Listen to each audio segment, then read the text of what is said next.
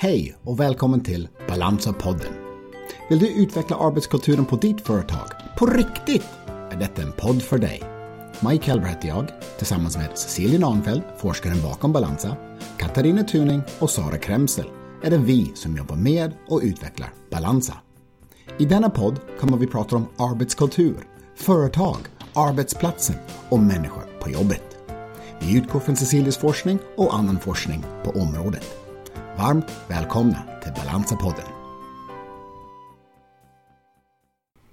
Hej och välkommen till Balansa-podden. Det här är ju avsnitt nummer två. Mike Helber heter jag tillsammans med Cecilia Nahnfeldt.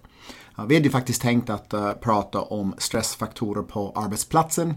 Men vi känner nog att uh, det är inte riktigt kanske lämpligt att vi gör det just idag då vi är mitt i coronatider. Så det är ju kanske bara en stressfaktor som finns. Men den här podden handlar om arbetskulturen, människor på jobbet, arbetsplatsen, hur vi hjälper varandra, hur vi stöttar varandra, hur vi ska kunna lära från varandra.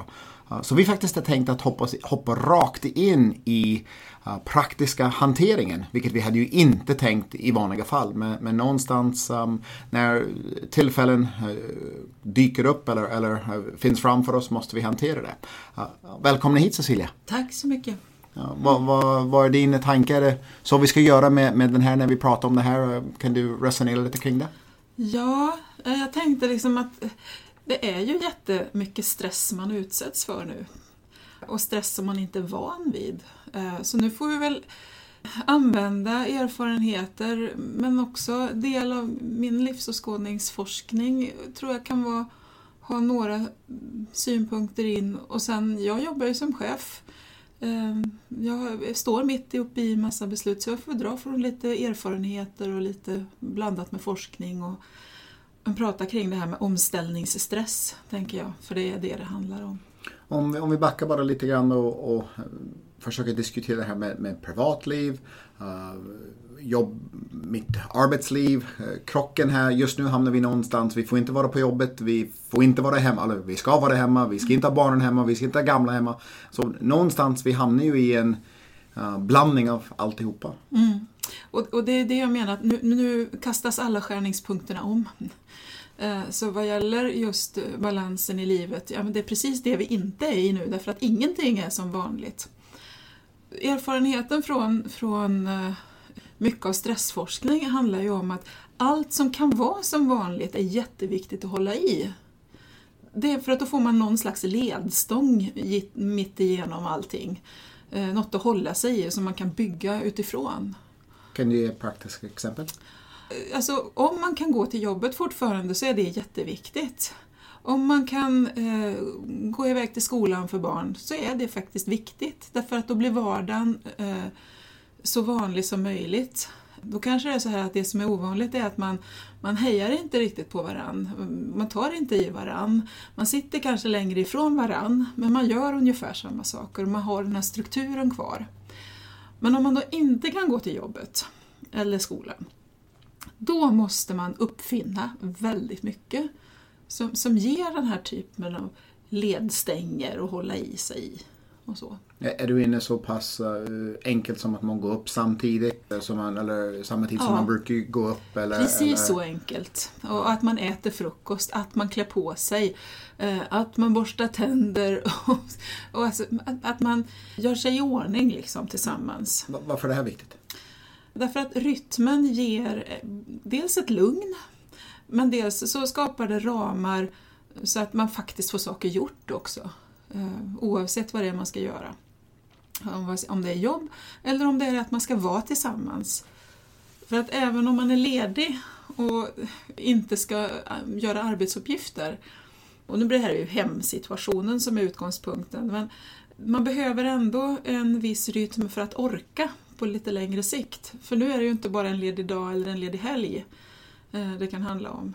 Utan här handlar det om att få vardagen att funka så att man inte börjar reagera på varann eller liksom krocka med varann i onödan. Det är det alltihopa är till för. Och du hävdar att eh, medarbetarna, alltså kollegor, eh, de människor man jobbar med ja. är väldigt viktiga i den här processen? Ja, det är det. Jag tänker så här att arbetsplatsens eh, stora, alltså vi, vi tillbringar jättemycket tid på arbetsplatsen. Våra kollegor är en, i en mening lite grann som en extended family. De är jätteviktiga för oss och det kanske man upptäcker när det inte är så självklart att man kan gå till jobbet. Jag hävdar ju själv att jag träffar mina kollegor mer än jag träffar min hustru. Hon är faktiskt den enda personen i livet jag har valt. Jag har inte valt mina barn egentligen. Jag har ju inte valt mina föräldrar. Men Cecilia har ju valt att gift mig med henne. Mm. Men jag träffar henne extremt sällan. Mm. Och, och, definitivt mina kollegor mycket mera. Mm. Konstigt nog. Men det är ju så.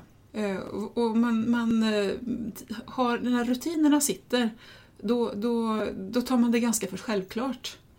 Och det som kan vara en positiv sak det är att man kanske upptäcker att åh vad viktiga mina kollegor är. Och vad mycket jag gillar dem faktiskt. Eller trivs åtminstone med dem. Eh, och har det bra ihop. Jobbar man hemifrån så är det ju oftast det man saknar. Jag har ju varit chef hela den här veckan nu och när jag började veckan med att jag fick eh, så småningom skicka hem först de som långpendlade till jobbet, för vi har några som, som pendlar, veckopendlar. Och sen de som pendlar från Stockholm in till Uppsala där jag finns. De fick eh, order om att jobba hemifrån. Och att då vara enhetschef och försöka hålla ihop det här. Jag har ju valt att ha enhetsmöten via våra digitala eh, kanaler. Så klockan 10 så har vi ett halvtimmesmöte varje morgon. Och det har varit jätteviktigt. Och idag, när vi var tredje dagen vi hade ett sånt möte, då avslutade mötet verkligen med att flera stycken sa men vad, vad kul det var att se allas ansikten. Eh, vad, vad skönt det var. Ja, men nu kommer jag igång. Och det här är det jag ska göra idag. Och vi tog en sån vända. Och, och jag tror att det är jätteviktigt till den nya vardagen. Menar du den vardagen som är temporärt eller långsiktigt? Ja, men alltså den, den nya vardagen som är just nu. Mm. Och vi vet ju inte hur länge. Så jag tänker nog att de, här mötena eh, klockan tio eh, när man kan vara med om inte man gör någonting annat. Liksom, då, det, det, är en bra start på dagen. Mm. Det går in i den här rytmen och det är också en möjlighet för mig som chef att, att uh, ha lite koll och så på att alla mår, mår bra och att det funkar. Jag har ju en annan situation. Jag jobbar ju mer som konsult mm. Eh, och, och jobbar inom eh, TV-branschen och, och blev inom så idrottsvärlden och allting är ju nedstängt. Um, har fått då kontinuerligt um, uppdateringar via e-mail vilket jag kan tycka är ju visserligen lite opersonligt i viss mån men jag också inser att ska man få ut information till väldigt många människor mm. måste man göra det mm. på ett litet massutskick på något sätt. Men sen fick jag ett samtal mm. av, av eh, han är inte min chef i sig för att, för att jag jobbar inte på det företaget men den jag har avtal med och den kontrakt skulle vara min chef om jag var anställd där. Och, bara ett tre minuters samtal. Mm. Alltså att, att prata med en annan människa mm. om det här och att, han, att jag var ensam i, i, i tråden. Um, mm. Kände så att men, nu är jag utvald. Mm. Att, att han hade ju tid för mig i den här situationen. Mm. Um, tyckte jag var ju lugnande uh, på något sätt. Och, och, han gav ju besked uh, egentligen väldigt lite. Mer bara att vi vet att du finns, vi vet att du finns där och, och vi vet att det här måste hanteras. Mycket bättre än inget samtal alls, alls ja. om man säger ja. så. Ja. Och just det här att man får telefonsamtalet upplevs som ganska så personligt. Idag? Ja, idag. Det, det tänker jag är viktigt. Och det här handlar ju om arbetskultur. Hur man möter varandra och vilken information man ger och får och på vilket sätt. Det handlar jättemycket om arbetskultur. För det är där man också har möjligheten att uttrycka en omsorg och det behöver inte vara så, alltså omsorg kan, behöver man inte uttrycka i massa känslomässiga ord, utan det handlar om att vara rak och tydlig. Det tror jag är den bästa omsorgen. Det här är det som gäller, det här är det vi vet just nu och vi vet att du är där och där. Så, så hellre ett samtal utan egentligen klara definitivt besked än inget samtal alls? Ja, och det säger forskning. Därför att forskningen kring de här krissituationerna säger att även en information om att jag ingenting vet är en information. Och det, det är både en erfarenhet och forskning som, som lyfter det. För det är så lätt att glömma det. Faktiskt. Är det bara chefens ansvar alltså för en arbetsgrupp eller kollegorna emellan som ska söka upp varandra? Jag tänker att just vad gäller den här typen av information, det är ju alltid ett chefsansvar. Men jag tänker att kollegors gemensamma ansvar är också att försöka hitta former nu för att, att, få kontakt med varandra. Det tror jag är en del som kanske kommer att uppstå i lite nya konstellationer.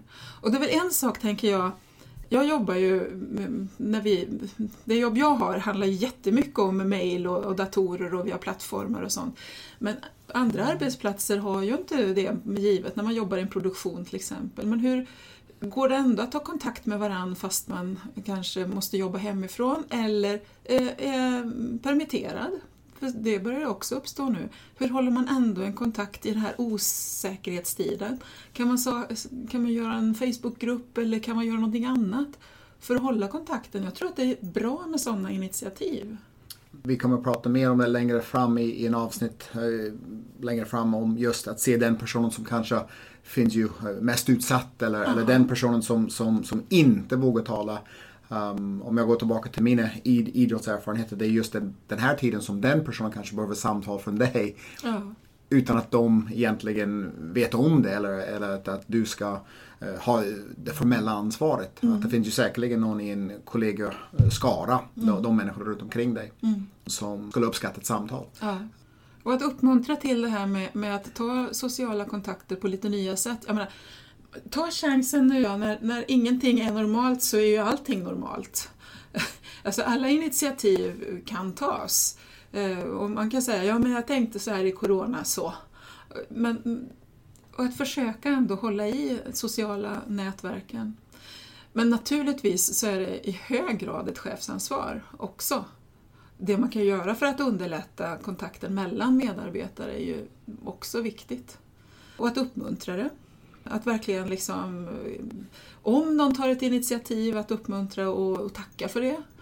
Istället för att man upplever att det stökar. För det kan man ju göra som chef, man vill gärna ha kontroll. Men i nuläget, vi har inte kontroll. Det är själva utmaningen, tänker jag, i Corona. Jag, jag tänker en annan situation. Jag, om jag var ju chef över en grupp och jag har fått direktiv att vi ska minska så fort som möjligt, snabbt som bara den, mm. för att vi har ju en ekonomisk bekymmer. Vi ja. vet inte vart den här tar vägen. Kom igen nu, ta bort så många som möjligt. Mm hur hanterar man, alltså chef, en sån situation när, när man måste ta kontakt? Mm. Den är ju inte på normalt sätt för man måste ha via Facebook eller via telefonsamtal mm. eller, eller något annat sätt med, med nyheter som är ju inte bra mm. på något sätt för individen. Mm. Um, vilket tips ska man ge till dem? Ja, jag tänker ju det här att eh, man, man ska vara eh, klar, tydlig och kortfattad med, med vad man vet och vad man inte vet vad som är beslutat och vad som inte är beslutat än. Och så. Eh, man ska inte ge några löften. För vi vet inte vilka löften som kan infrias. Men man, skulle, man känner väldigt lätt som, som chef, man skulle vilja lova någon. Man, det är så lätt att säga att ja, men vi får se så. Men det, är inte, det, det, det kan kännas eh, lindrande kanske i en första vända, men det är inte det i förlängningen. Utan det är bättre att säga, ja, det här vet vi, men jag återkommer när jag vet något mer. Det kan jag lova däremot, om jag har den tiden och vet att jag har det. Men så fort jag vet något mer så får du veta det. Hur får jag veta det är också bra att få veta. Så att, och det här är inte kommunikation enbart, utan det här handlar faktiskt om omsorg och arbetskultur. Hur pratar vi med varandra? Hur, hur, hur ser vi till att människor vet det de behöver veta? Och finns jag tillgänglig om någon behöver få kontakt med mig, då kanske jag ska uppmuntra det också. Om jag ska lägga till och du, du får på något sätt ge lite synpunkter ja. efteråt. Men, men när man gör detta, om det är ett telefonsamtal eller ett möte. En, en viktig aspekt är att lära sig att vara tyst. Oh. Det, det, är ju ofta svårt som du är inne på att man mm. vill så gärna säga att det här löser sig. Mm. Vi fixar det här. Mm. Och, och, och sådana där kommentarer. Det, det, är luften som, som, som du är inne på. Vi mm. vet inte riktigt hur det kan vara. Och det är klart, vi, vi ska jobba tillsammans med det här. Det, och det är någonting man eventuellt kanske skulle kunna tänka sig att säga. Men som du är inne på, ibland är det så att man berättar det man vet. Man mm. berättar om vad man inte vet. Och sen måste man faktiskt lära sig att vara tyst. Mm. Och säga, jag kan inte mer. Idag. Nej. Eller just nu. Mm. Och den är svår. Precis, och sen så det finns ju, vi brukar ju Balansa prata om tre olika typer av lyssnande som, som chefen behöver någonstans förhålla sig till och, och, öva sig i. Och det ena är ju det här åtgärdslyssnandet. Att jag hör vad någon har för behov och så ska jag försöka åtgärda det. Vi är väldigt snabba där. Och där ska vi försöka liksom verkligen nu steppa tillbaka. Så åtgärdslyssnandet och sen så finns det bedömningslyssnandet där man gör en bedömning eh, om det är fel eller rätt eller om det är någon som har ett behov eller inte. Och det är klart att ibland så behöver vi göra det men inte alltid. Det ska vi också vara lite försiktiga med. Utan nu gäller det att öva det som vi pratar om som det öppna lyssnandet. Där man själv inte i första vändan vet vad man ska göra och man vet heller inte som chef vad man ska, hur man ska åtgärda eller bedöma det hela. Utan man måste fråga ett par frågor till för att förstå sin medarbetare. Det tror jag är jätteviktigt i det här läget. Om vi tittar framåt, vad önskar man sig i ett sånt här läge? Jag tror att det man allra mest önskar det är att man skulle veta mycket mer. Men det gör vi inte. Det är ovisshet just nu. Och det är ju jättesvårt att hantera. Jag vet inte hur du känner, men du har ju fått massa saker inställt i ditt schema, Mike.